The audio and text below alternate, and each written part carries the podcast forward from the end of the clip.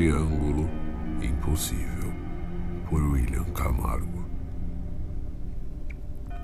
Já fazia algum tempo que meu sono não era o mesmo, mas nos dias de hoje, quem tem um sono regular? Com um trabalho estressante e um celular vibrando o dia inteiro, fica difícil ter uma boa noite de sono.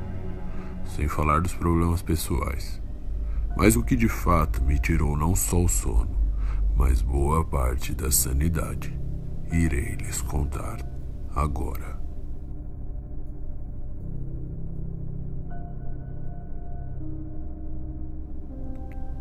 Eu acordava todos os dias às seis da manhã, escovava os dentes, tomava um banho, me vestia e me dirigia ao trabalho. Passava pelo porteiro saudando-o com um bom dia educado, pegava o ônibus até o trabalho ao chegar ao trabalho, trocava duas ou três palavras com uma secretária que não era tão bonita e dava em cima de mim. Ia para minha mesa, conversava com os meus colegas, tinha um dia estressante de trabalho e depois ia para casa. O dia exato que aconteceu não é relevante, mas a hora, ah, a hora, isso é difícil de esquecer. A primeira vez, eu acordei em uma noite comum. Simplesmente despertei.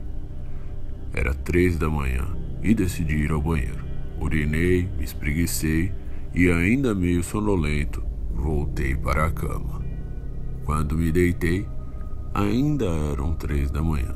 Tenho certeza que o tempo de ir ao banheiro levou mais que um minuto. Mas me virei e voltei a dormir.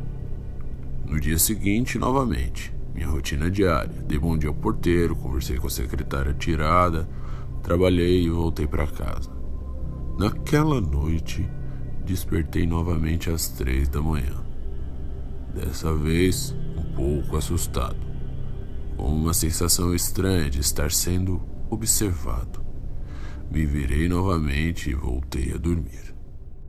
Aquela semana foi completamente normal se não fosse o fato de ter acordado todos os dias às três da manhã com aquela sensação.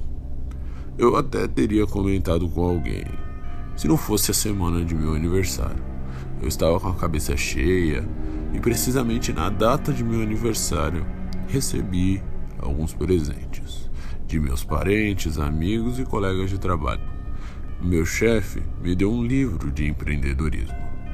De minha equipe, ganhei uma camiseta, uma caneca e uma garrafa de vinho. E aquela secretária tirada me deu uma pedra de proteção. Meus pais mandaram um belo cartão de presente e um vale-compras. Mas nunca fui muito apegado a presentes, então levei para o apartamento e deixei tudo encostado em um canto.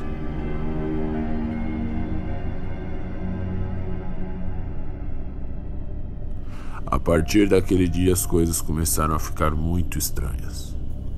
Durante a noite, ao acordar às três da manhã, não conseguia me mover. Nunca tive paralisia do sono.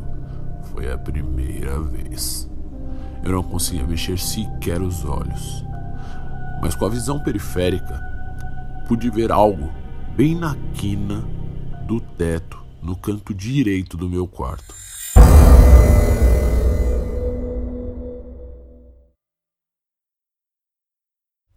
Relógio marcou as três da manhã por muito tempo novamente. Bem mais tempo que alguns minutos. Mas nada mudava no relógio. Foi quando aos poucos meus movimentos voltaram. E de pronto olhei para o canto direito do teto. Não havia nada lá, além do ângulo formado entre o encontro das duas paredes e o teto. Mas ele parecia diferente mais profundo talvez. Mas estava escuro e pensei ter sido apenas um devaneio. Quando voltei os olhos para o relógio, eram três e um. Fiquei extremamente preocupado. Não consegui pegar no sono até as quatro da manhã. No fim de semana seguinte, decidi buscar ajuda. E como não tinha quem recorrer, decidi ir a um centro espírita próximo de casa. Tomei o que chamam de passe, um tipo de bênção e conversei com o senhor também. O homem me disse muitas palavras bonitas, mas o que mais me chamou a atenção foi o fato dele ter dito algo sobre minha energia ou vibração. Não lembro direito, e completou dizendo: Cuidado com quem entra em sua casa. Refleti sobre as palavras daquele senhor a tarde inteira, e com certeza aquela noite foi a pior de todas. Às três da manhã, acordei completamente paralisado de novo e um cheiro estranho pairava sobre o quarto. Parecia um cheiro de chá, ervas talvez. Meus olhos quase que automaticamente se voltaram para aquele ângulo na quina do meu quarto, e prefiro acreditar que delirei, porque as arestas das paredes se aprofundaram e as linhas adjacentes se curvaram até completamente se transformar em algo inconcebível, uma imagem que perturba-me até mesmo ao tentar descrever. Era uma imagem que não pertencia a esta dimensão, algo que não deveria ser concebido pela mente mortal. Senti uma forte dor de cabeça. Meu cérebro lutava para entender. O ângulo agora aumentava de tamanho e algo parecia querer sair de dentro dele.